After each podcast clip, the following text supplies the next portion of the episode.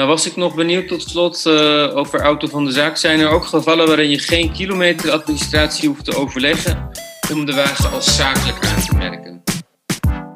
Nou, je hebt, je hebt keuzes. Als je natuurlijk er volledig voor kiest om hem als, zowel voor de BTW als voor de inkomstenbelasting als zakelijk aan te merken. En je kiest er dus voor om zowel een inkomstenbelasting als de BTW die privégebruik bijtelling te gebruiken.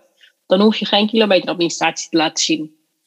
Want dan, uh, dat zit eigenlijk gewoon verdisconteerd in die uh, bijtelling voor privégebruik. Maar mocht je dat inderdaad niet willen, en het kan vaak gunstiger zijn, dan is het wel verstandig om gewoon een kilometeradministratie bij te houden.